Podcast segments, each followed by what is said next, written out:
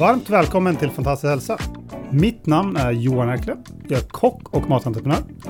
Och mitt namn är Cecilia Fürst och jag är specialistläkare i Sverige samt i Integrative och Functional Medicine i USA. Och jag heter Nils Per Skåra. Jag är performance coach, kosthållsvägledare och idrottsutövare.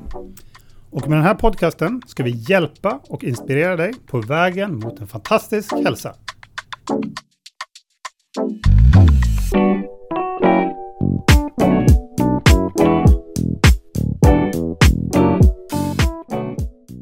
Yes, då är vi tillbaka igen och idag ska vi prata om en diagnos som blir allt vanligare få och det är IBS.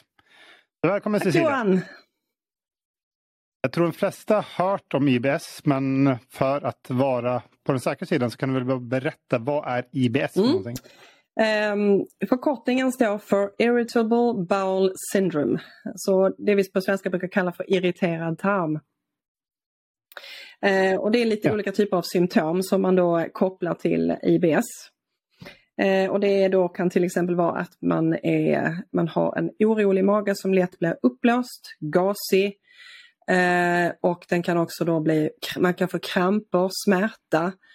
Eh, och så kan man ha lite olika varianter. Man kan ha en förstoppningsvariant, man kan ha en diarrévariant och sen kan man faktiskt också ha en mixed variant. Så att det är helt enkelt en mage som är lite orolig och inte riktigt eh, fungerar hela tiden. Utan kan ge den här typen av symptom återkommande. Eh, och det brukar man också säga nu att för att man ska definiera det som IBS så ska man ha bekymmer minst eh, tre gånger per månad med den här typen av symptom. Alltså uppblåsthet, gaskänsla, förstoppning eh, eller diarré eller en kombination av de två. Så då har man definitionen som man någorlunda har bestämt sig för att så är det. Sen kan man då ha besvären oftare än de här tre tillfällena i månaden. Eh, det finns de som har det på daglig basis. Så det kan ge otroligt varierande men, men faktiskt väldigt besvärliga eh, problem för olika personer. Och jobbigt att hantera i, i vardagslivet. Ja, jag tycker att var och varannan person hör man om uppblåsta magar, ont i magen och så vidare nu Precis. Ehm, Så det som händer eh, när du går till doktorn är att de utesluter annan eh, bakomliggande sjukdom. Så att eh, det måste man ju alltid titta på så att det inte är någonting annat som driver på den här typen av symptom. Det kan ju också vara en inflammatorisk eh, tarmsjukdom och då måste man naturligtvis utesluta det för det, kräver andra åtgärder. Men när man då har gjort olika typer av utredningar, tagit prover och kunnat utesluta att det inte är någon annan bekymmer bakom. Eh, det är då man får den här diagnosen IBS som då är en funktionell störning som man då pratar om, kallar det. Ehm, Eh, ofta är det så att om man, om man tittar i familjer så, så går det faktiskt ofta i familjer att det är andra som har haft eh, samma bekymmer om man tittar runt lite grann bland sina nära släktingar. Eh, och det, man, det vi vet eh, i dagsläget det är att eh, de här störningarna ligger på motorikplanet. Eh, och orsaken till att det blir de här motoriska störningarna det kan vara väldigt olika från individ till individ. Eh, och därför måste man gå in och, och titta och eh, fundera lite på okej vad, vad kan vara orsaken till mina bekymmer? Eh, generellt så brukar man inom sjukvården eh, diskutera till exempel att eh, man ska försöka kontrollera sin stress. För stress eh, frisätter olika typer av ämnen som då kan påverka och försämra symptomen. Eh, Så det är alltid en sån faktor man ska försöka hantera. Eftersom de här hormonerna då påverkar rörligheten i tarmarna. Eh, och dessutom kan de här stresshormonerna orsaka läckage över tarmepitelet och då får du mer problem med det här med gasighet, uppblåsthet och det blir lättare att få olika typer av störningar i mikrofloran så du kan få fel bakterieöverväxt, problem att smälta maten och då kan de liksom driva på symptomen.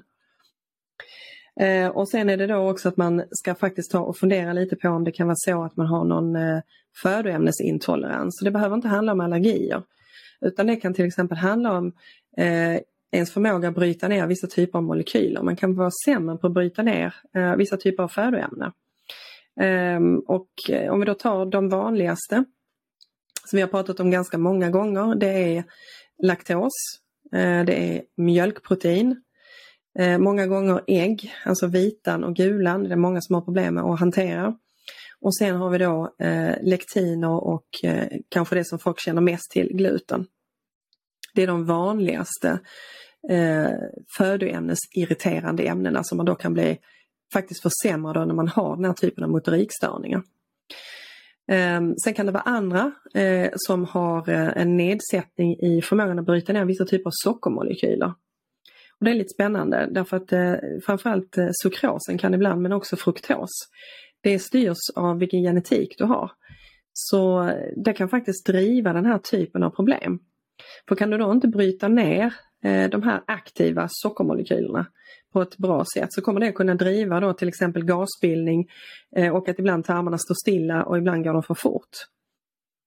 Eh, så när man ska börja titta på det här så är det inte så enkelt som att prova att äta till exempel det man brukar prata om, det vi kallar för låg FODMAP-kost. Ehm, det är oftast inte så enkelt utan det är de här mekanismerna bakom så att det är som att lägga ett litet pussel. Man måste titta på alla de här orsakerna eh, som kan vara drivande faktorer. Det är också många gånger därför man hamnar fel, för man får generella råd. Eh, och när, när sjukvården har gjort sitt genom att utesluta allvarlig sjukdom, då sätter de bara diagnosen IBS och så säger de att ja, du kan prova det här och gå till dietisten eh, och så får du lite kostråd. Eh, och sen får man då till exempel jobba med lite olika typer av stresstekniker för att försöka eh, lugna ner sig själv eh, när, man, när man hamnar i stressade situationer och försöka påverka sin situation så gott man kan. Men bakom detta kan det alltså ligga allt det här som jag pratat om, till exempel födoämnesintoleranser. Eh, vissa födoämnen som du har svårt att bryta ner. Du kan ha en dysbios, eh, alltså helt enkelt fel tarmbakterier, fel sammansättning av tarmbakterier. Därför att Vissa typer av tarmbakterier kan till exempel frisätta, när de bryter ner våra födoämnen åt oss, så kan de frisätta gaser. Eh, och då står då tarmarna stilla lite grann och du får eh, en gasproducerande stam av bakterier, ja då kommer du bli uppsvälld. Och det kommer göra ont därför att de har då ytaktiva ämnen som irriterar tarmytan.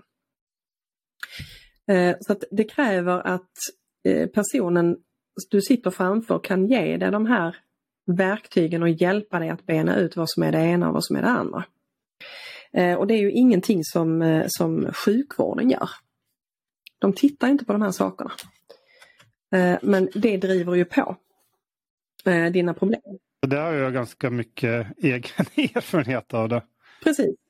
I och med att det är kanske på just grund av det här jag hittade och kom i kontakt med mm.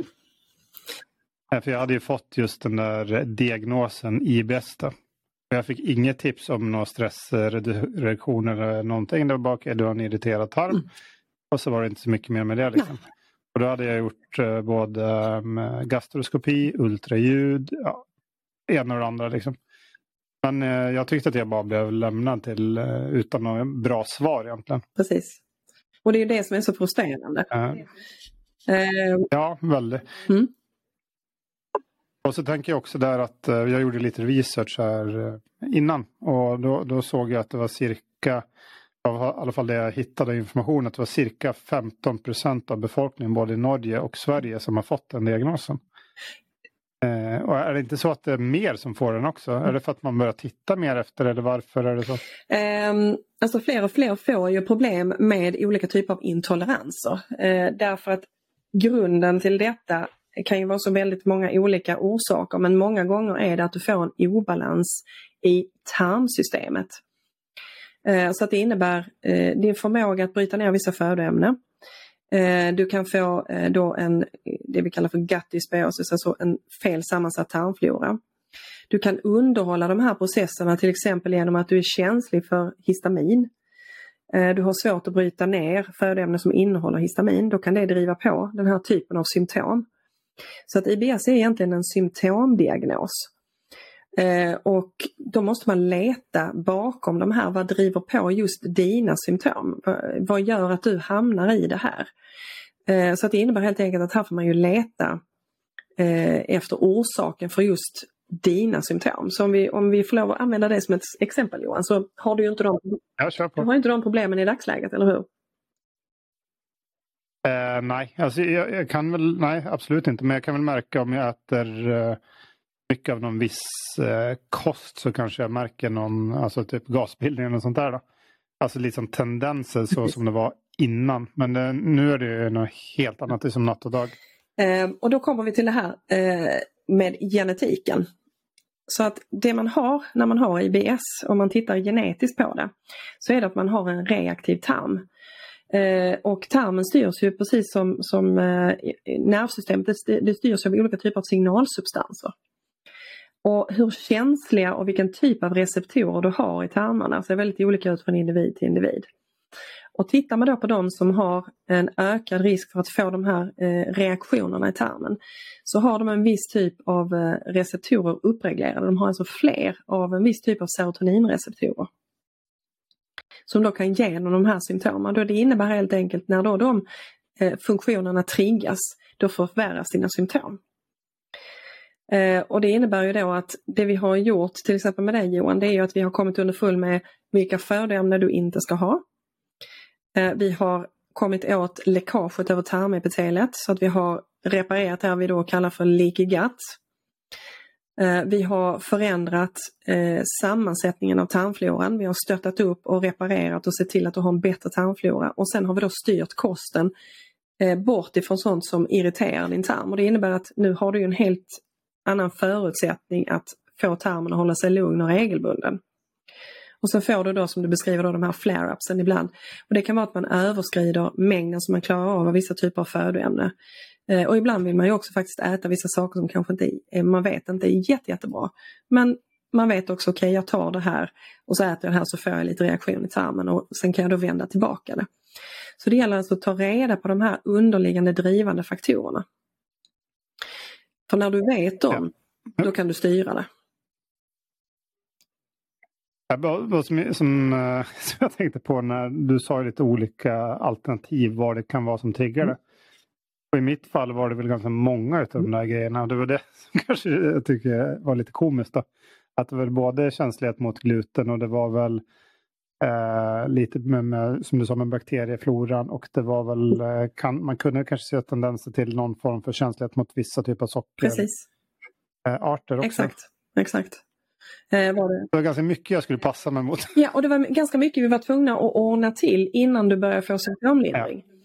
Eh, och det är därför jag blir, det är så ledsamt när man hör liksom att folk eh, går år ut och år in och inte får hjälp med detta utan istället så får man bara en klapp på axeln och så säger de ja men träna mindfulness och stresshantering. Ehm, och prova till exempel då low FODMAP och sen så får man kanske viss lindring, eh, vissa har tur och det räcker med det. Många gånger är det ju de här då underliggande drivande faktorerna som man inte tittar efter eh, och inte ens är medvetna om att de finns och existerar och då gör att folk kan ha de här jättestora bekymren fortsatt. Eh, därför det kan vara väldigt handikappade. Vissa är ju så pass handikappade att de hela tiden måste ha uppsikt över var det finns en toalett i närheten. Så de, när, de, när de är utanför huset så har de liksom turer när de är på stan där de vet liksom okej okay, där finns en toalett, då kan jag använda den. Eh, och så just det att man blir rädd för att äta vissa saker för man vet att det kan försämras men man vet inte riktigt varför och hur och när det kommer och då blir det en osäkerhet i det hela också. Eh, så att därför är det viktigt att titta på de här sakerna som eh, jag har pratat om här. Man måste alltså leta reda på vad som är specifikt för dig för att du ska kunna få den här balansen. Eh, och sen finns det då vissa typer av ämnen man kan använda för att förbättra förutsättningarna i tarmen och utesluta och ibland får man helt enkelt det lättaste sättet egentligen att ta reda på saker man inte kan testa. Eh, det är helt enkelt att göra det vi kallar för elimination diet. Eh, när du gör de här eliminationskosten, eh, det har jag skrivit om i en, en bok som jag gett ut tidigare. Eh, som är då en, där tar man bort de värsta födoämnesirritanterna eh, under en tid och sen lägger man tillbaka dem en och en och då kan man helt plötsligt upptäcka att nej, när jag lägger tillbaka den då börjar magen att stöka till det. Och så kan du testa det fram då med ett födoämne i taget för att se. Och på så sätt kan man då upptäcka att nej, det här klarar jag men det här klarar jag inte. Och sen är det som sagt, har du då en störning i botten, låt oss säga att du har till exempel en, en, en tarmflora som reagerar eh, ofördelaktigt eller du har en ofördelaktig sammansättning av tarmbakterier. Låt oss säga att du har haft en antibiotikabehandling. Eh, då kan det vara svårt att hitta rätt bland eh, olika typer av probiotika. Eh, och ett råd jag kan ge där då, det är att välja probiotika som inte kommer från någon form av eh, mejeriprodukter. Så att ingenting som innehåller någon form som kommer därifrån. Eh, och också sysselsätta sig med att använda de här som heter bifidobacter. Därför att de tolererar man även om man har den här typen av IBS-bekymmer. Så får man börja med de här lite snällare stammarna som kan bygga upp en mer stabil utan att du får de här reaktionerna i tarmytan.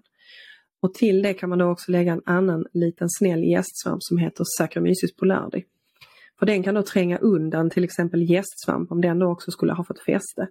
Så att genom att välja en probiotika eh, som då består av bifidobacter eh, första, eller i första hand och eh, de här då Saccharomyces boulardii, den här snälla gästsvampen, så kan du hjälpa eh, tarmfloran att få tillbaka en balans. Och sen kan du som steg nummer tre använda en, ett ytämne, alltså som hjälper dig att eh, hålla tarmen på ytan eh, eh stabil och minska risken för läckage.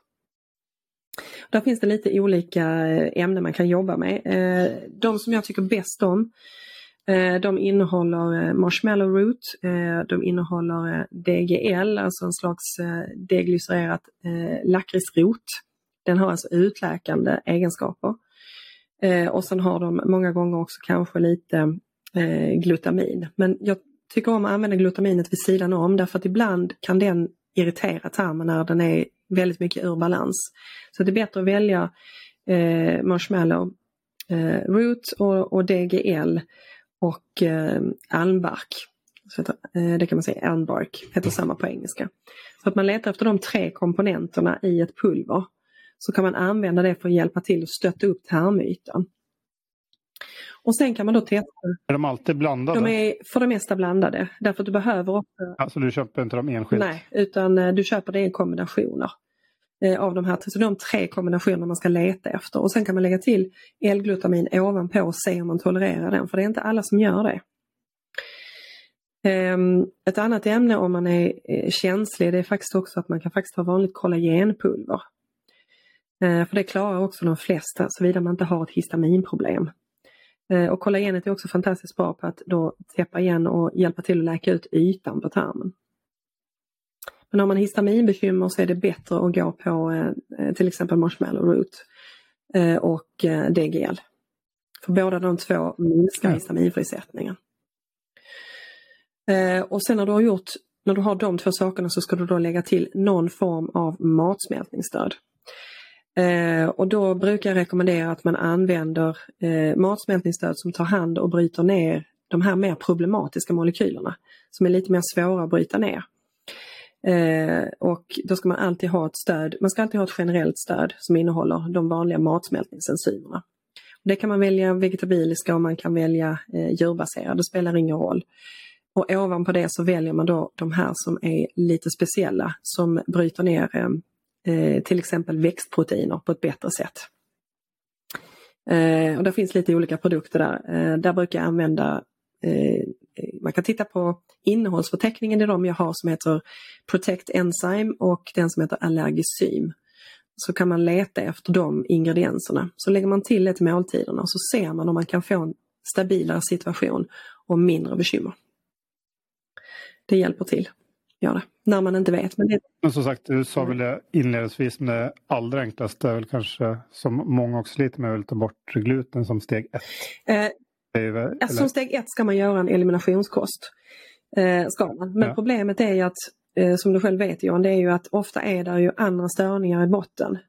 Just det här med ja. ytskad eller ett läckage av tarmepitelen, en tarmflora som inte är, är fördelaktig och olika typer av känsligheter där man har svårt att bryta ner vissa typer av födoämnen.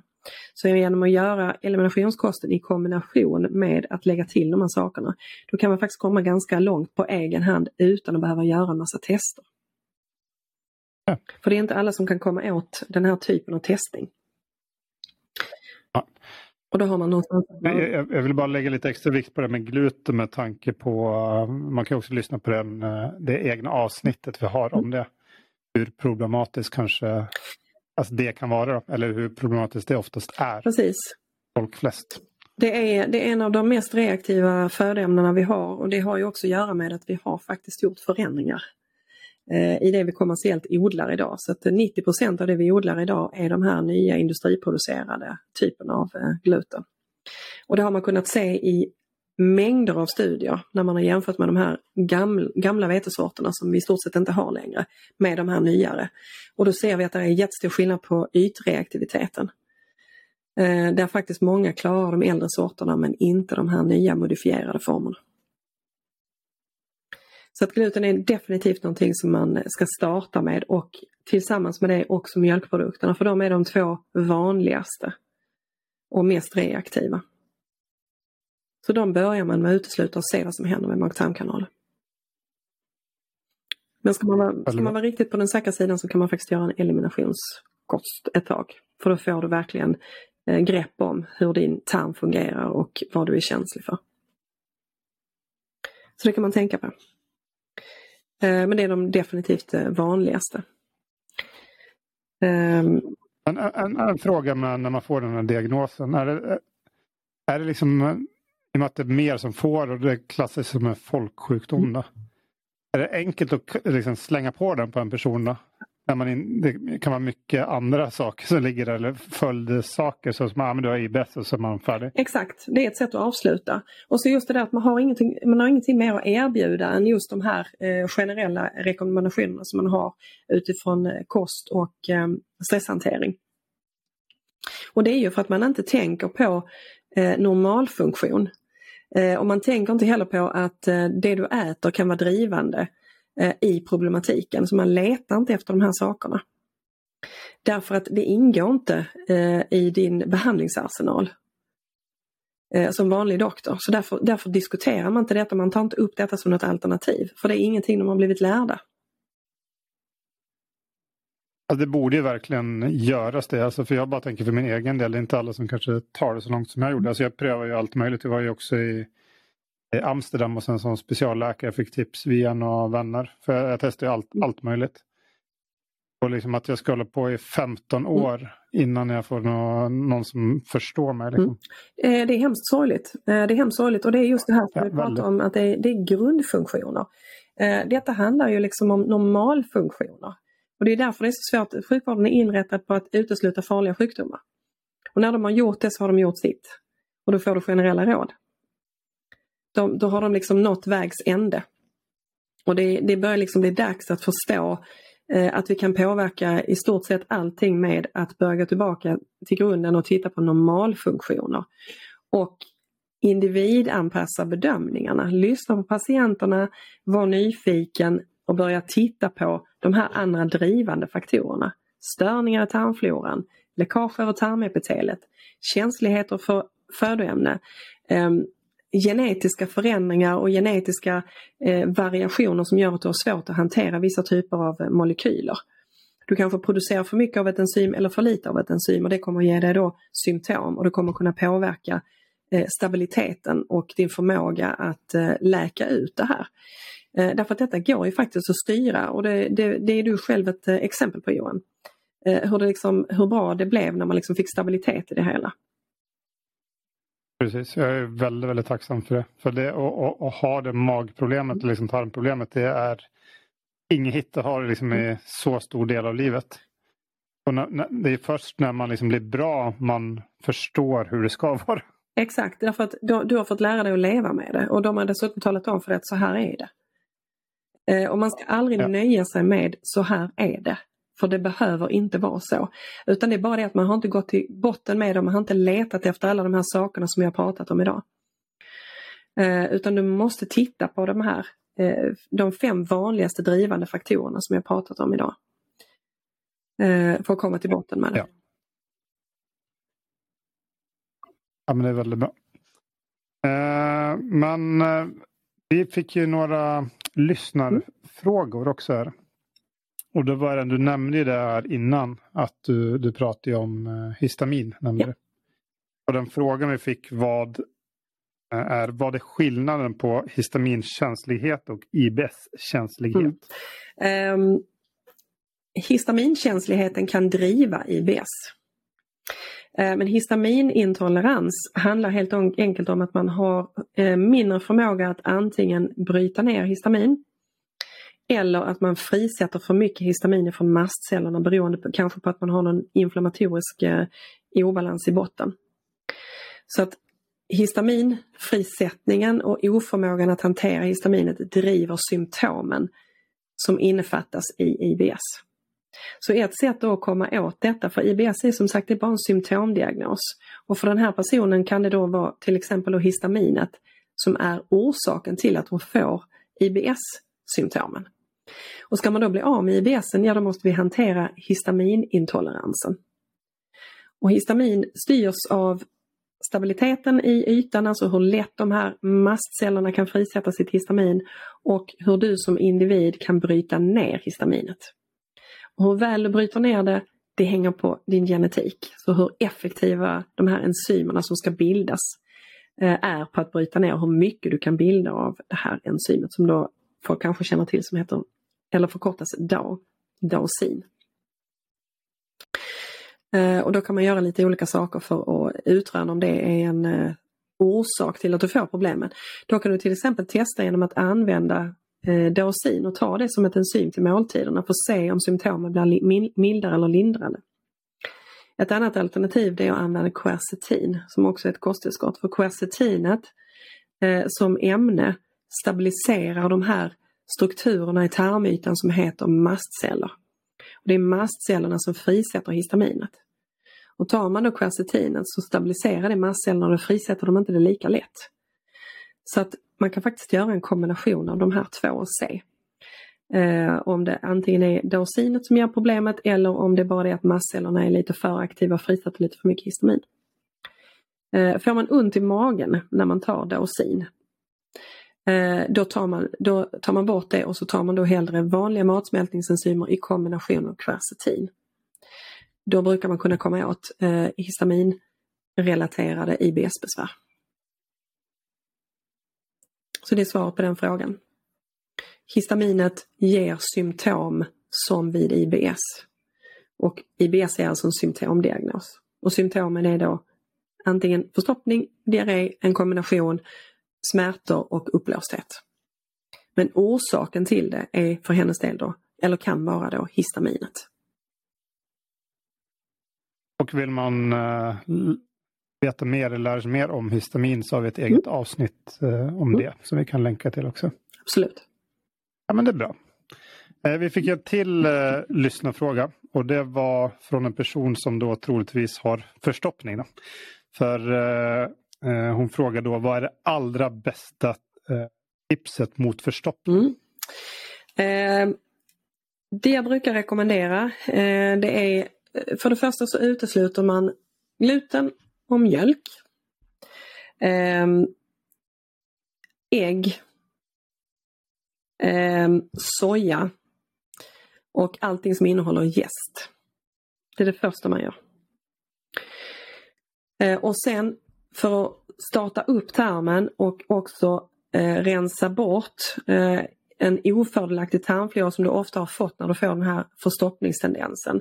Då använder man helt enkelt magnesiumoxid. Eh, magnesiumoxid är ett magnesium som kroppen inte tar upp utan den, har bara, den är bara aktiv i själva tarmarna. Och de gör att du verkligen rensar ut tarmarna. Så du får alltså fart på magen och du får bort alla beläggningar och plack och du förändrar tarmfloran när du tar den. Eh, och då blir, när man använder den så ska man ta så pass mycket så att man verkligen får mycket, mycket lös avföring. Och då ska man göra det under en 10 dagars period. Eh, och när du har fått lite fart på det här och du har fått känna att du kan tömma tarmen ordentligt. Då börjar du med de här andra sakerna som vi pratar om. Skydda ytan, stötta matsmältningen och lägg till de här snälla formerna av bakterier som inte ställer till någonting. Alltså bifidobakterna och eh, den här som heter då Saccharomyces boulardii. Eh, och sen har du då ett stöd av någon form av matsmältningsenzym som är ett brett, eh, ett, det är lättast att välja ett brett stöd helt enkelt. Så välj någonting som innehåller alla matsmältningsenzymerna. Då brukar det hålla ganska bra. Då får man en omställning. Och sen kan man göra om proceduren med den här magnesiumoxiden. Och om du skulle märka att du får tillbaka förstoppningstendensen då är det bara att köra igång igen med magnesiumoxiden. Man kan också göra så att man behåller, eh, man kan gå upp högt i dos så man får väldigt lös avföring som sagt under 10 dagar. Sen backar man tillbaka eh, så man har minsta möjliga dos för att hålla igång tarmen. Och samtidigt gör du då de här andra sakerna som vi pratar om. Skydda ytan eller rättare sagt reparera ytan. Ta bort de här mest irriterande födoämnena och ställa om tarmfloran. För då brukar man kunna få en stabilitet som håller. Men många som har haft förstoppning som jag känner till har ju haft det väldigt, väldigt många år. Exakt, absolut. Men med den här processen som du, som du nämner nu då, så ska man kunna ställa om mm. det fast man kanske har haft problem med förstoppad mage i stort sett hela sitt Absolut, liv. Absolut, därför att förstoppningen handlar ofta om, eh, dels har du en, eh, en lite annorlunda typ av eh, eh, genetik när det gäller de här receptorerna och hur snabbt tarmarna kan röra sig.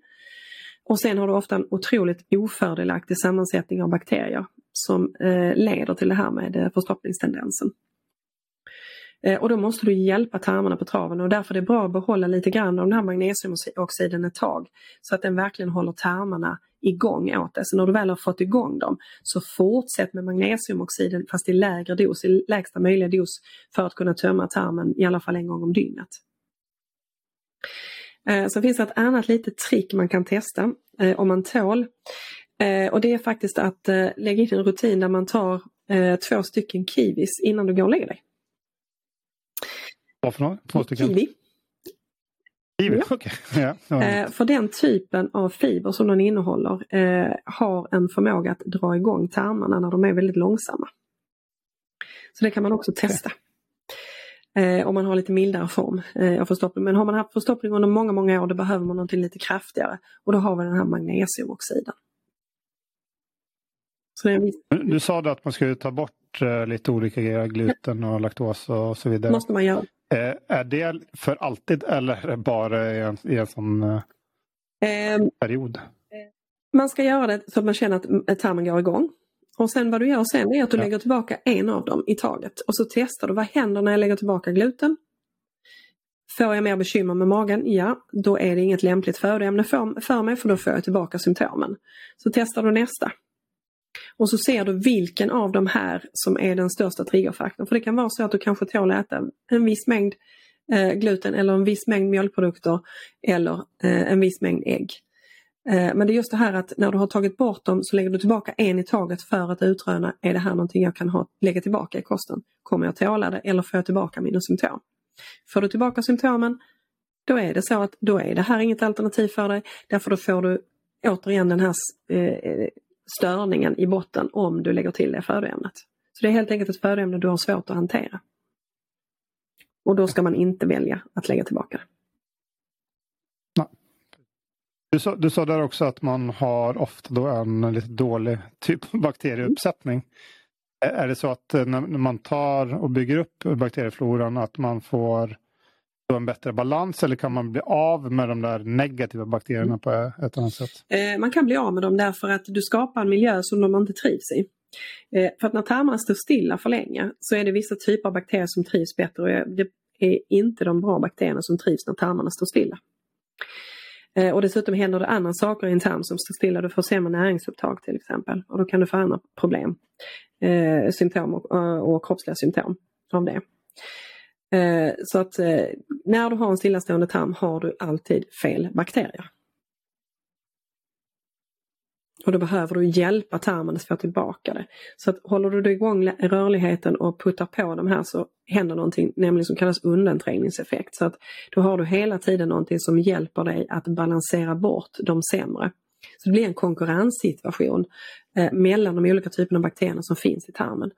Eh, och då finns det inte plats för de här dåliga, de trängs undan. Då skapar en miljö som de inte trivs lika bra i och då minskar de i antal. Så att många gånger handlar det om att man har fått för mycket av en ofördelaktig tarmbakterie. Så man måste skapa ett annat förhållande. Och det gör man till exempel genom att använda då, eh, de här lite snällare probiotikastammarna tillsammans med gästsvampen som då kan också trycka bort eh, olika typer av eh, eh candida. Eh, något annat som man kan tänka på eh, när det gäller den här snälla E-svampen som är Saccharomyces boulardii. Om det är så att man in, eh, har en känslighet mot eh, sukros, när man ska bryta ner alltså olika typer av sockerarter, eh, då hjälper den till att hantera det. Så den kan man alltså använda fortsatt eh, om man skulle ha den typen av bekymmer. Då kommer det att hjälpa upp eh, ens förmåga att bryta ner dem. Är, är den ofta i någon sån här eh, blandningar eller är den separat? Eh, finns i blandningar, eh, gör den. Det finns vissa som lägger in det i, i, eh, i, i sammansatta probiotika. Ja. Men ibland kan det vara så att du behöver mycket, mycket högre koncentrationer av den eh, ett tag. Så att, eh, då kan det vara fördel faktiskt att ha den vid sidan om. Man kan köpa den rent ja. bara? Den. Ja, kan man göra. Eh, det finns rena Saccharomyces. Det finns också som eh, läkemedel. tänker man inte på. Eh, det är väldigt, den enda gången man brukar skriva ut den, den heter Precosa. Läkemedel som man använder som är Saccharomyces polar. Den enda gången man skriver ut Precosa det är om de skulle ha fått något som heter Clostridium-infektion. Då vet man att då skapar man en, en, en konkurrenssituation, så det har de lärt sig. Om man har en Clostridium-infektion så, så ger man Precosa. det är konstigt bara att man inte kan använda det i andra sammanhang. det kommer väl? Det, jag får hoppas att, att det kommer så småningom. Ja, på sikt så vi hoppas jag att det blir mer sån funktionsmedicinsk tankegång in i vanliga skolmedicinen också. Definitivt. Definitivt. Det kommer det att bli. Det är jag helt övertygad om. Ja. Men det var eh, väldigt lärorikt. Det här är något annat vi ska... Jag bara tänkte på... Eh, vi har ju lanserat vårt matsystem nu. Eh, dels att man kan både köpa produkter och att man kan få tillgång till alla grundrecept och sånt om man är med och stöttar vårt arbete. Men i de recepten har vi bland annat lök till exempel. Det vet ju jag att är på den IBS-listan. Mm. Eh, kol, är den också på den listan?